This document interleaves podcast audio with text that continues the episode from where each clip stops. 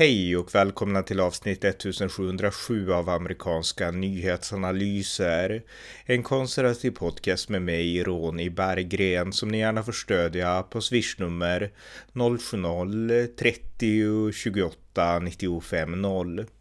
Senatsvalet i Alaska ger Republikanernas kandidat Kelly Chibaka en möjlighet att besegra sittande senatorn Lisa Murkowski.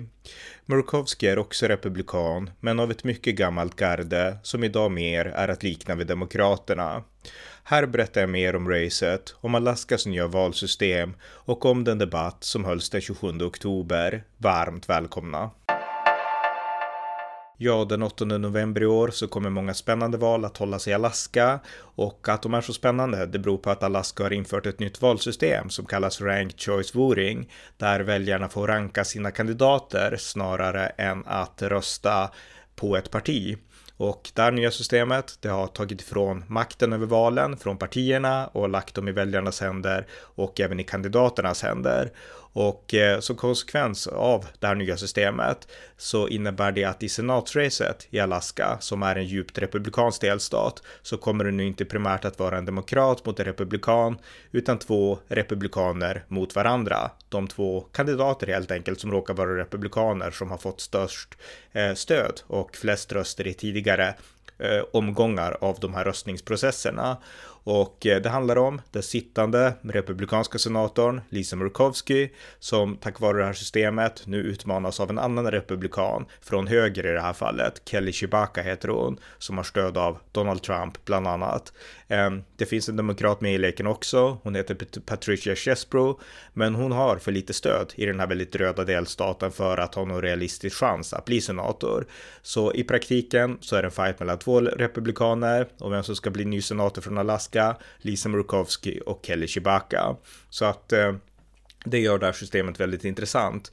Och som en sidonotis kan också nämnas att även Sarah Palin kandiderar ju till kongressen, alltså till representanthuset. Eh, Sarah Palin hon har varit tidigare guvernör i Alaska på 2000-talet och kommer också vicepresidentkandidat och åt republikanernas presidentkandidat John McCain 2008. Sen blev hon en ikon inom den konservativa rörelsen under Tea Party-åren där mellan, ja, 2008 och 2012 ungefär. Och eh, hon försöker nu göra comeback och kandiderar då till representanthuset för Alaskas kongressdistrikt. Och eh, Sarah Palin är mycket kritisk till det här nya systemet Rank Choice Voting. Därför att i praktiken innebär det att eh, om man får 50% av rösterna, om en kandidat får 50% av rösterna, då vinner kandidaten automatiskt. Men om ingen kandidat av de topp fyra får 50% då hålls det då åker den fjärde personen ut och eh, de kryss som väljarna har lagt som andrahandskryss, eh, de kommer då att ges till den, de tre, den av de tre kandidaterna som är kvar som har fått de rösterna. Och i praktiken innebär det att eftersom det är också moderata republikaner med i racet så kommer de som har röstat på Demokraterna, om nu Demokraterna, Demokratens huvudkandidat skulle slås ut och få fjärdeplatsen då, då kommer de förmodligen ha lagt sin andrahandsröst på en moderat republikan, vilket innebär att den moderata republikanen kan suga upp också Demokraternas röster i det här systemet och det missgynnar eh, tydligt högerkonservativa röster som Sarah Palin och det är det hon är kritisk till. Och eh, ja, vi får se hur det går för henne då i, i den 8 november om hon kan göra comeback eller inte. Många analytiker menar att det kommer att bli svårt, men vi får se. Och eh, för er som vill så har jag ju poddat även om Sarah Palins resa i, i det här äh, nya valsystemet också tidigare. Men det jag ska fokusera på idag, det är som sagt senatsvalet mellan Lisa Murkowski primärt och äh, Kelly Chewbacca, de två republikanerna. Och äh, en debatt hölls då den 27 oktober och debatten hölls, modererades av Alaska Public Media News Director Laurie Townsend och Alaskas News Source Editor Mike Ross. Och eh, det här var en en timmes lång debatt som det brukar vara i den här valcykeln. Och eh, det var Lisa Murkowski, sittande republikanska senatorn, Kelly Chewbacca, hennes republikanska primära utmanare och då också såklart då demokraten Patricia Chesbro. Det fanns också en fjärde person, en republikan som skulle vara med som hette Buzz Kelly, men han avbröt sin kampanj för en månad sedan så att det var bara tre kandidater som debatterade. Så några ord nu om den här debatten. Ja, den första frågan som ställdes den handlade om aborter och vi kan spela ett klipp här. President Biden said if Democrats keep control of Congress, the first bill he will send would enshrine abortion rights nationwide. Would you support or oppose a measure like that? We'll start with you, Senator Murkowski. I do support codification of Roe versus Wade. I recognize that we cannot go backwards in time 50 years when it comes to, to a woman's right to determine her own reproductive health and health care. I also recognize that abortion should not be without limitation. And so the bipartisan effort that I have introduced in the United States Senate is one that again codifies Roe, but does so in ensuring that there are, there are limitations. There is a, a, a conscience uh, provision for providers who, who are not willing to perform abortions. Mr. Baca, one minute, please. I'm pro life, and the Supreme Court with Dobbs has returned the choice about abortion back to the states. I'm not sure that any effort in Congress would actually be upheld by the Supreme Court. However, there's a bill that has been introduced that would set a nationwide cap somewhere in the second trimester when a fetus could feel pain. I would support a bill like that. But again, I think that most of these decisions are going to be left to the state at this point. Thank you. Ms. Chesbro. After the Roe v. Wade decision came down, I spoke to several people who had either decided to have or to not have abortions. Every reason was different, every reason was their own. But one that stuck with me was a situation where a person had chosen to not have an abortion, despite the fact that her doctor said she should because she had cancer. This person whose mother died after he, she gave birth to him said, How do you think I would feel if it was the government who told me that my mother had to die in order for me to live? I think that's part of the issue here. I would, I really am pro choice. I think it needs to be up to the discretion of the individual, not anyone else. I think it has to be a very difficult decision, and I think we need to let people make those decisions on their own. Och eh, svaren var ju väldigt intressanta och eh, svar kanske inte var så intressant. Den konservativa republikanen, hon svarade ungefär som man skulle ha kunnat förvänta sig. Hon stöder ett visst nationellt abortförbud, men stöder primärt högsta domstolens beslut om att låta delstaterna bestämma. Lisa Murkowski, den här mer moderata republikanen, hennes svar var intressant därför att hon lät inte helt liberal. Hon var visserligen helt för att eh, skriva in Roe v. Wade, alltså rätten till abort i hela landet som en lag nu när högsta domstolen har upphävt sitt beslut om saken. Eh, men samtidigt så var hon för samvetsfrihet. Och det är någonting som nästan betraktas som väldigt höger här i Sverige. Eh, Ebba Busch från Kristdemokraterna, hon är för samvetsfrihet. Hon är för rätten till abort fullständigt, men också för samvetsfrihet för de som vill. En profilering som Kristdemokraterna har gjort. Och eh, det var ungefär samma linje som drevs av Lisa Murkowski. Det tyckte jag också var intressant. Eh, demokraten Patricia Chesbro, hon var också intressant i sitt svar, därför att hon började med att betona att eh, hon pratade om en kvinna som hade valt livet för sitt barn Eh, och låtit barnet födas mot sin, sina läkares råd eftersom kvinnan hade cancer. Och hon sa att det här visar hur viktigt det är att kvinnan själv får välja. Och sen sa hon, jag är för abort och för rätten att välja till abort. Men som exempel så tog hon alltså en som valde rätten att behålla sitt barn. Så att eh, det visar ju lite grann tycker jag hur konservativt Alaska ändå är, att man får prata på ett konservativt sätt, även om man förespråkar kanske liberal inställning i, i det här fallet abortfrågan. Så det tyckte jag var intressant. Eh, de gick vidare i samtalet och nästa fråga handlade om valsystemet och tilltron till det amerikanska valsystemet. Kelly Chewbacca, hon ansåg att valen borde skötas av delstaterna, men att den federala regeringen kunde ge visst stöd. Demokraten Patricia Chesbro, hon var orolig över det som hördes runt om från USA, att folk blev hotade och sådär. Eh, Lisa Murkowski betonade att valen är hörnstenen i en demokrati som USA, därför att politiker styr utifrån väljarnas mandat. Och eh, det finns lagar som gör att valet fungerar bra och hon betonade John Lewis Voting Right Act, Voting Right Act och eh, The Electoral Count Act betonade Lisa Murkowski. Eh, sen som en naturlig följdfråga så kom de såklart in på moderatorerna, Donald Trump, och de undrade om kandidaterna ansåg att Donald Trump borde vittna inför 6 januari-kommittén och de undrade också om kandidaterna ansåg att Donald Trump hade begått ett brott i samband med stormningen av Kapitolium den 6 januari 2021. Ehm, demokraten Patricia Chesbro, hon sa att hon tyckte att Trump borde vittna, men om han hade brutit lagen, det visste hon inte. Lisa Murkowski, hon sa att när en president kallas in att vittna så här så görs det inte lättvindigt och eh, hon tyckte att Trump borde acceptera det här, men hon trodde inte att han skulle göra det. Eh, Gällande om Trump hade begått ett brott så ansåg hon att processen skulle behöva avgöra det. Eh, Kelly Chewbacca då, som har endorsats av Donald Trump som kampanjade för henne i somras i Alaska.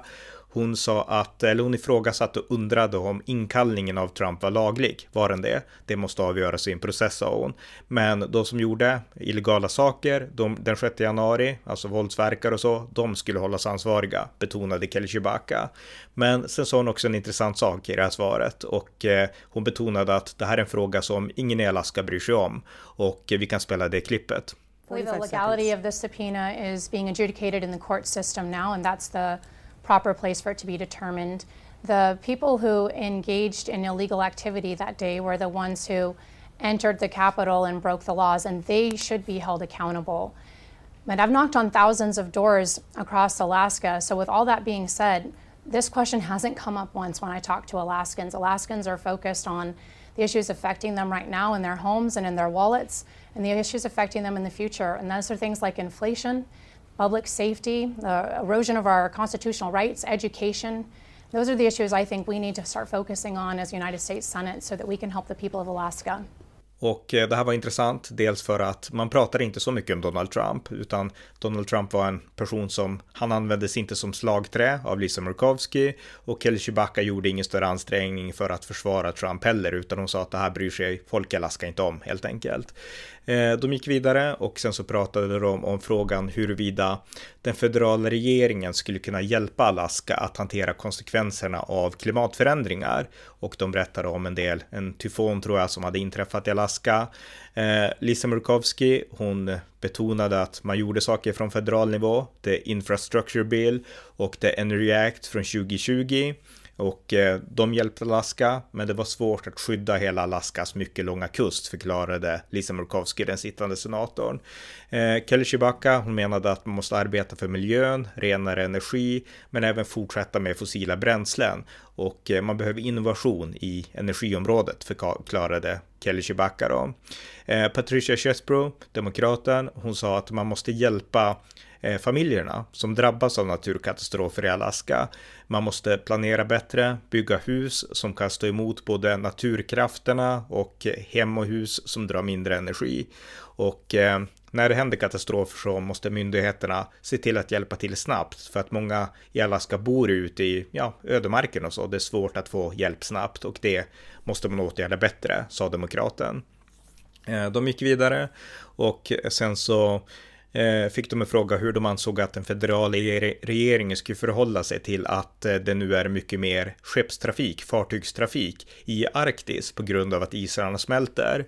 Eh, Kelly Chewbacca betonade att det här är ett säkerhetspolitiskt hot därför att både Ryssland och Kina har siktet inställt på Arktis och det måste man ta i akt i högre utsträckning. Demokraten, hon menade att kustbevakningen behöver ha en strategi för Arktis och eh, kustbevakningen är den första första linjen av försvar för Alaska och de måste ha de pengar de behöver. Eh, senator Lisa Murkowski, hon förklarade att det behövs resurser och att hon själv är känd som the, the Arctic Senator, är hon känd för. Och att hon har arbetat för att eh, den första djuphavshamnen ska upprättas i Alaska. Hon arbetat för ett större stöd för kustbevakningen, tre isbrytare och fler isbrytare behövs. Och eh, hon förklarar också att nationalgardet i Alaska, de är redo för alla situationer, förklarade hon.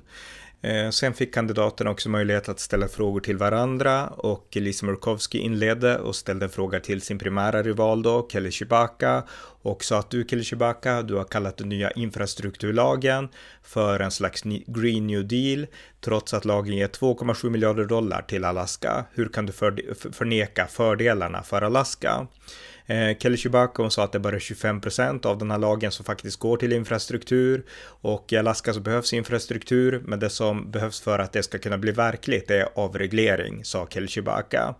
Eh, Lisa Murkowski betonade att den här lagen, infrastrukturlagen, den ger Alaska hjälp. Eh, Alaska har fått hjälp att bygga ut bredband och vi har fått våra myndigheter som har fått hjälp att stoppa översvämningar och liknande. Eh, demokraten Patricia Chesbro, hon lovordade senator Lisa Murkowski och tackade för att hon hade arbetat för den här lagen och sa att eh, Alaska är en ung delstat och vi behöver infrastruktur så att det där var bra ungefär. De gick vidare, de pratade om del om fackföreningar och eh, sen så fick Kelly Chewbacca möjligheten att ställa en fråga till Lisa Murkowski. Och då betonade Kelly Chewbacca att eh, du har ju mörka pengar som ger stöd till dig, alltså pengar från olika aktörer utanför delstaten, utanför Alaska. Och det innebär att du är, du är fångad i deras nät och du är liksom en docka i andras intressen. Eh, Lisa Murkowski sa att det inget kunde vara mer från sanningen än det du nu sa. Och eh, alla kampanjer, även din, på, alltså försöker bli påverkade utifrån. Och eh, vi kan inte göra så mycket åt det, utan vad andra gör utanför delstaten, det kan vi inte göra så mycket åt. Men det handlar om att bedöma vilket intresse en, en kandidat agerar. Och mitt intresse det är Alaskas intresse, sa Lisa Murkowski. Eh, de gick vidare och eh, de fick också en fråga om pengarnas betydelse i valrörelsen och eh, de gav lite olika svar där och så. Eh, sen så fick de också fråga via sociala medier och eh, den första frågan riktades till Kelly Chewbacca som är den mest konservativa av de här tre kandidaterna och hon fick en fråga om hur hon ville hjälpa LBTQ-communityt i Alaska. Kelly Chewbacca svarade att allas rättigheter måste beskyddas i Alaska, men det är utan att vissa grupper kör över andra grupper och hon var emot transgender Eh, biologiska män som deltog i damidrott. Det ville hon stoppa samtidigt som hon tyckte att det kunde utvecklas en enskild gren för transgenders i idrotten. Eh, Patricia Chesbro, demokraten, hon blev personlig igen och sa att hon hade en svärson som var transgender som nyss hade dött och att hon stödde den här, eh, det här communityt för alltid betonade hon väldigt personligt. Eh, Lisa Murkowski sa att hon bestödde LBTQ-communityts rättigheter för att så opererar hon, sa hon. Det var hennes sätt att, att vara.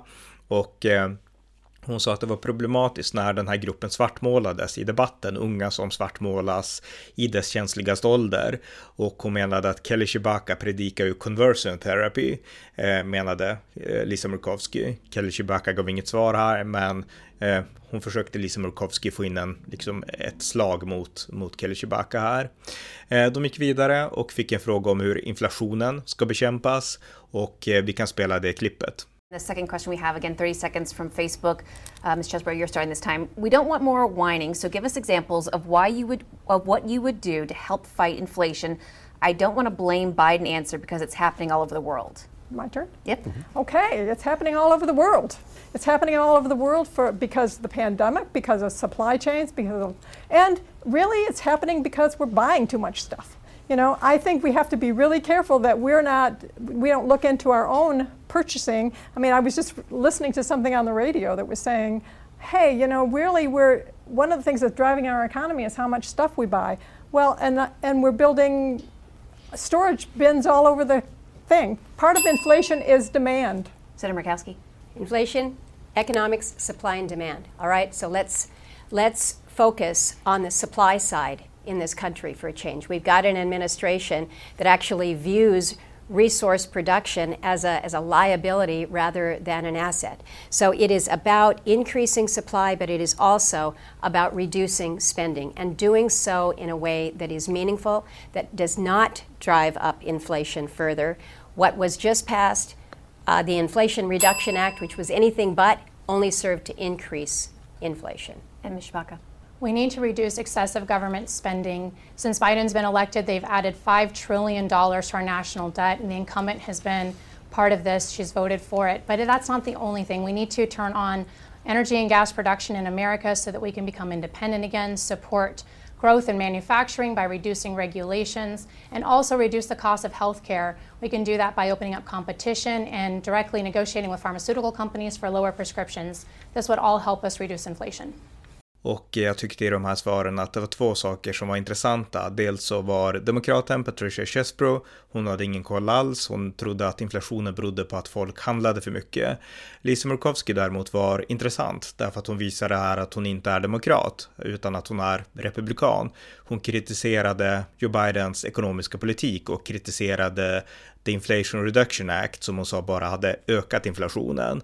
Och eh, hon menade att Biden ansåg att produktion var last och inte en styrka och Biden hade fel. Och det här tycker jag illustrerar hur republikanerna var förr i världen. Då var de kritiska till demokraterna av ekonomiska anledningar, men annars var de relativt moderata. Och Liz Murkowski visar med det här svaret att hon är inte demokrat, åtminstone inte i, i ekonomiska frågor. Eh, därefter så fick de en videofråga från en ung student som undrade hur kandidaterna ansåg att USA skulle göra för att skydda barn och elever från skolskjutningar. Och eh, Patricia Chesbro, demokraten, hon blev väldigt personlig. Hon förklarade att hon hade arbetat som rektor samtidigt som Columbine-skjutningarna ägde rum och att det här är tragiskt och att man måste göra mer för att stoppa både vapenvåld och självmord i Alaska, sa hon. Eh, Lisa Murkowski, hon betonade att alla måste agera mot vapenvåld och att hon arbe hade arbetat i en bipartisansk grupp i senaten, ledd av den konservative senatorn från Texas då, eh, John Cornyn. Och hon ansåg att skolorna måste ge större säkerhet och eh, bättre mental hälsovård i skolorna för elever. Men samtidigt så var hon också för the second amendment, alltså amerikaners rätt att bära vapen. Eh, Kelly Chewbacca, hon betonade att hon var en mor och hon ville se säkra skolor för sina barn och för alla elever och att det behövdes fler skolkuratorer. Eh, men däremot så skulle det inte vara fler restriktioner för laglydiga amerikanska vapenägare, för konstitutionen ger rätt att bära vapen. Och Kelly Chewbacca sa att du, Lisa Murkowski, du har stött inskränkningar i vapenlagar i, i kongressen. Men hon betonade Kelly Chewbacca att eh, man måste liksom adressera mental ohälsa och orsakerna till att skolskjutningar äger rum istället för att införa restriktioner för de som är laglydiga. Eh, därefter så kom de in på pandemin och de fick en intressant fråga, nämligen att utvärdera hur de tyckte att USA hade hanterat coronapandemin. Och Lisa Murkowski, hon gav USA toppbetyg i fråga om att utveckla ett vaccin.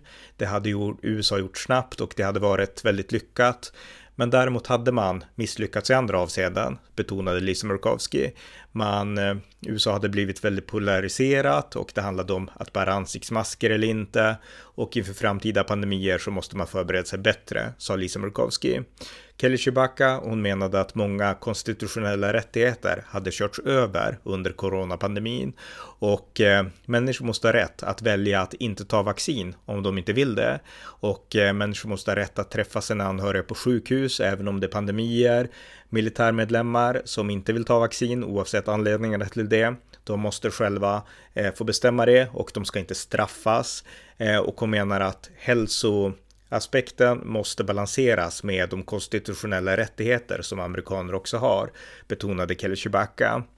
Eh, demokraten Patricia Chesbro, hon menade att pandemin drabbade olika eh, sektorer av samhället och inte minst skolmiljöerna då som hon hade erfarenhet från och eh, nu var det lärare som snabbt sa att nu ska ni undervisa online därför att eleverna ska vara hemma.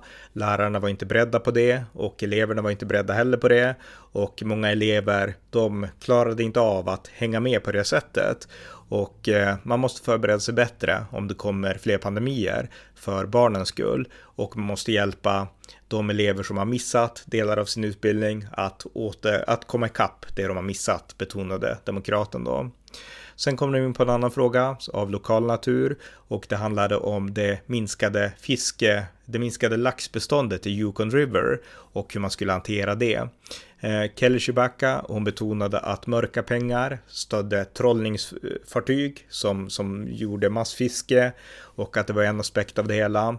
Kelly Chewbacca ansåg att Alaska behövde en egen fiskemyndighet och inte som nu ett samarbete med delstaten Washington och Oregon utan Alaska måste styra sitt fiske själv. Eh, demokraten, hon betonade att man måste undersöka hur olika arter påverkas, för arterna påverkas olika eh, av det som sker. Eh, Lisa Murkowski hon sa att eh, man måste undersöka vetenskapligt faktorerna till att laxen minskar. Men, och det tar tid att göra det, men det är det vi måste göra, sa hon.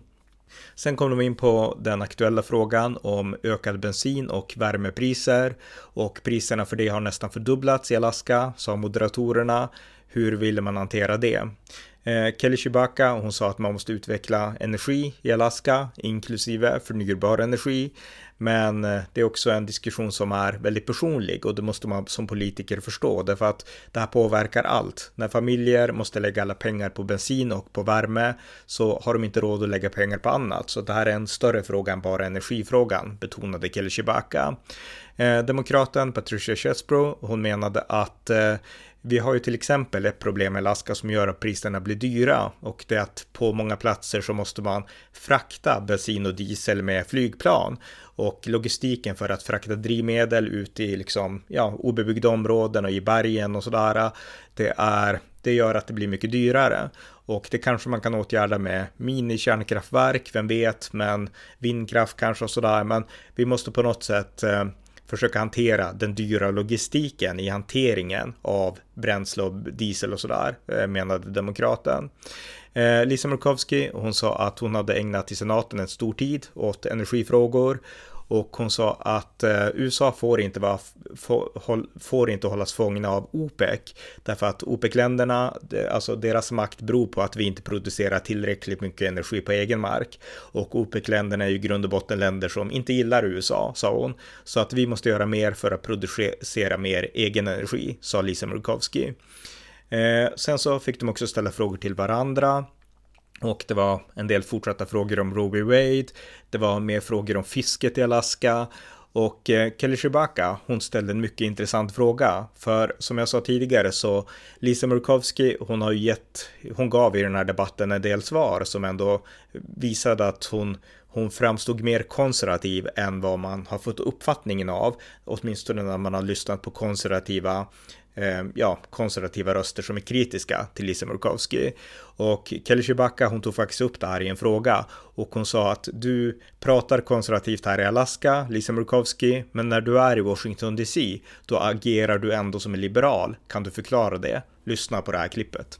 All right, Ms. Chewbacca, you now have 30 seconds to ask a question of one of your opponents. So this is for the incumbent. We've noticed that there are many times you'll say one thing here to us in Alaska, but then you'll do the opposite in DC. Like you ran paid ads saying that Biden was going to come grab our guns while you were working with Biden and McConnell on the gun control legislation and red flag laws that you passed. You also said to us in your last campaign you'd repeal Obamacare. You were the deciding vote to keep Obamacare. We're wondering why. Is it because of what you said to the reporter after the Obamacare vote that we Alaskans won't remember? Kelly, I think one thing that you should remember is certainly what I do every single day, which is put Alaska first. So whether it is when we're talking about matters related to Second Amendment or matters related to health care, it all comes down to what is going to most benefit Alaskans. And when it comes to when it comes to this the, the Bipartisan Safer Communities Act, uh, something that I did work on, something that I think is a good step forward in addressing mental health, school safety, but also making sure that we are protecting the, the, our Second Amendment rights. It does not create red flag, flag laws. In fact, what it does is it says if there is a state that does have red flag laws, you are required to have enhanced due process added to this as a requirement of this legislation. We make sure that no one's Second Amendment rights are impacted for lawful possession of a firearm. It's as plain as that. Mr. Chewbacca, you have 30 seconds for rebuttal. Having talked to thousands of Alaskans and knocked on their doors across the state, we feel that we're put first when people tell the truth and talk straight.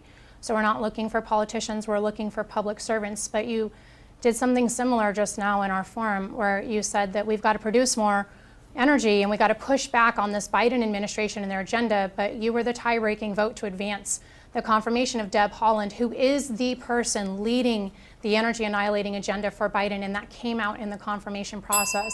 And so those are the things we're talking about. Sen så avrundades debatten med ett antal lightning round-frågor, alltså snabba frågor, snabba svar och de fick en fråga om Taiwan och de, om de ansåg att USA skulle skydda Taiwan i händelse av en kinesisk invasion. Och så här gick, så här löd frågan och så här gick svaren. If China uses military force against Taiwan, should the United States intervene? How so or why not? Senator Murkowski, you're first. We cannot leave Taiwan hanging. We cannot leave Taiwan hanging, just as we cannot leave Ukraine hanging. There is too much in the balance. Ms. Chewbacca. Yes, we absolutely should get involved. China has shown that it has its interests that are contrary to our own. It's one of our largest foreign adversaries, and we are necessary to holding the balance of global stability and, and exercising our strength to protect countries like Taiwan. Ms. Chesbrough. Yes, we should help Taiwan. I like the way we're helping Ukraine is we're not sending our own people there, but we're sending stuff to help them do defend themselves. I think people defending themselves are the strongest ways to do it. Och en stund senare så höll kandidaterna då sina slutanföranden och det här var debatten som då hölls i Alaska den 27 oktober mellan de här nu tre senatskandidaterna och primärt då mellan sittande senatorn Lisa Murkowski och hennes republikanska utmanare från höger Kelly Chewbacca. Vad kan man då säga om den här debatten? Jag tyckte att det var en bra debatt, den var anständig, den var saklig och det var inte alls samma skrik och pajkastning som det har varit i en del andra delstater som jag har följt, utan en väldigt bra debatt. Och eh, Lisa Murkowski, hon framstod faktiskt mer sympatisk än jag trodde, bör sägas. Men däremot så tror jag inte att den här debatten ändrar så mycket, utan förmodligen kommer ställningen att vara ungefär likadan. Tittar man på opinionsundersökningarna nu så leder Lisa Murkowski över Kelly Chewbacca med ungefär 11 procent i övertag för Lisa Murkowski, den sittande senatorn, som har 56 procent stöd mot 45 procent för Kelly Chewbacca. Och eh, precis som jag sa om Sarah Palin så gynnar förmodligen det här valsystemet eh, Lisa Murkowski i viss mån. Därför att möjligheten finns att eh, när den demokratiska kandidaten slås ut, Chesbro, så kommer Eh, många av hennes väljare har kryssat eh, Lisa Murkowski som andrahandsval och det innebär att om Chessbro slås ut, om ingen får 50% då går hennes röster till Lisa Murkowski. Så att möjligheten finns att det här systemet gynnar Lisa Murkowski faktiskt. Vi får se. Men det var en spännande debatt och eh, möjligheten finns ändå att Kelly Chewbacca som jag stöder, att hon ändå kan, kan vinna och i så fall skulle bli en ny senator i Alaska. Därför att styrka med Kelly Chewbacca det är inte att hon har mest erfarenhet. Lisa Murkowski, hon är erfaren. Det hördes tydligt i den här debatten. Hon vet vad hon pratar om. Men det finns vissa instinktiva republikanska principer som många etablerade politiker inte längre tror på, som de aldrig har trott på och som de på något sätt ignorerar. Och eh, de här nya kandidaterna, de förespråkar de principerna och Kelly Chibaka är en sån person. Så att därför stödjer jag henne. Och eh, som jag sa i inledningen så har jag ju poddat om det här racet tidigare. Och det var ju poddavsnitt 1471 från den 23 januari i år som jag berättar ingående om Kelly Chibaka och det här spännande valet i Alaska då. Så ni som vill kan, ni kan lyssna på det avsnittet också. Eh, som jag sa också så var Donald Trump i Alaska i somras och jag poddade om det också i poddavsnitt 1607 från den 10 juli i år. Så lyssna också på det avsnittet. Och eh, samtidigt kan jag då promota det avsnitt jag gjorde om Sarah Palin. Det var den 2 april i år, avsnitt 1533 om Sarah Palins kandidatur till kongressen då. Men det här var i alla fall min briefing om Eh, debatten som hölls i Alaska inför det här eh, mycket intressanta senatsvalet i det här nya valsystemet som man har. Och valdagen är då den 8 november och då får vi se om Lisa Murkowski eller kanske Kelly Chewbacca får mer än 50 procent. Blir det så så vinner den kandidaten, men blir det inte så då går det, då kickar det här eh, liksom andrahandssystemet igång helt enkelt. Så att det var det. Hoppas ni har funnit det här avsnittet intressant.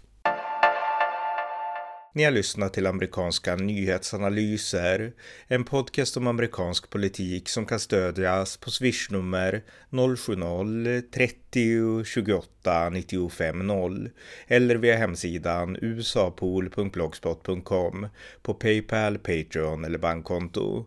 Skänk också gärna slant till valfri Ukraina-hjälp. Vi hörs snart igen. Allt gott tills dess.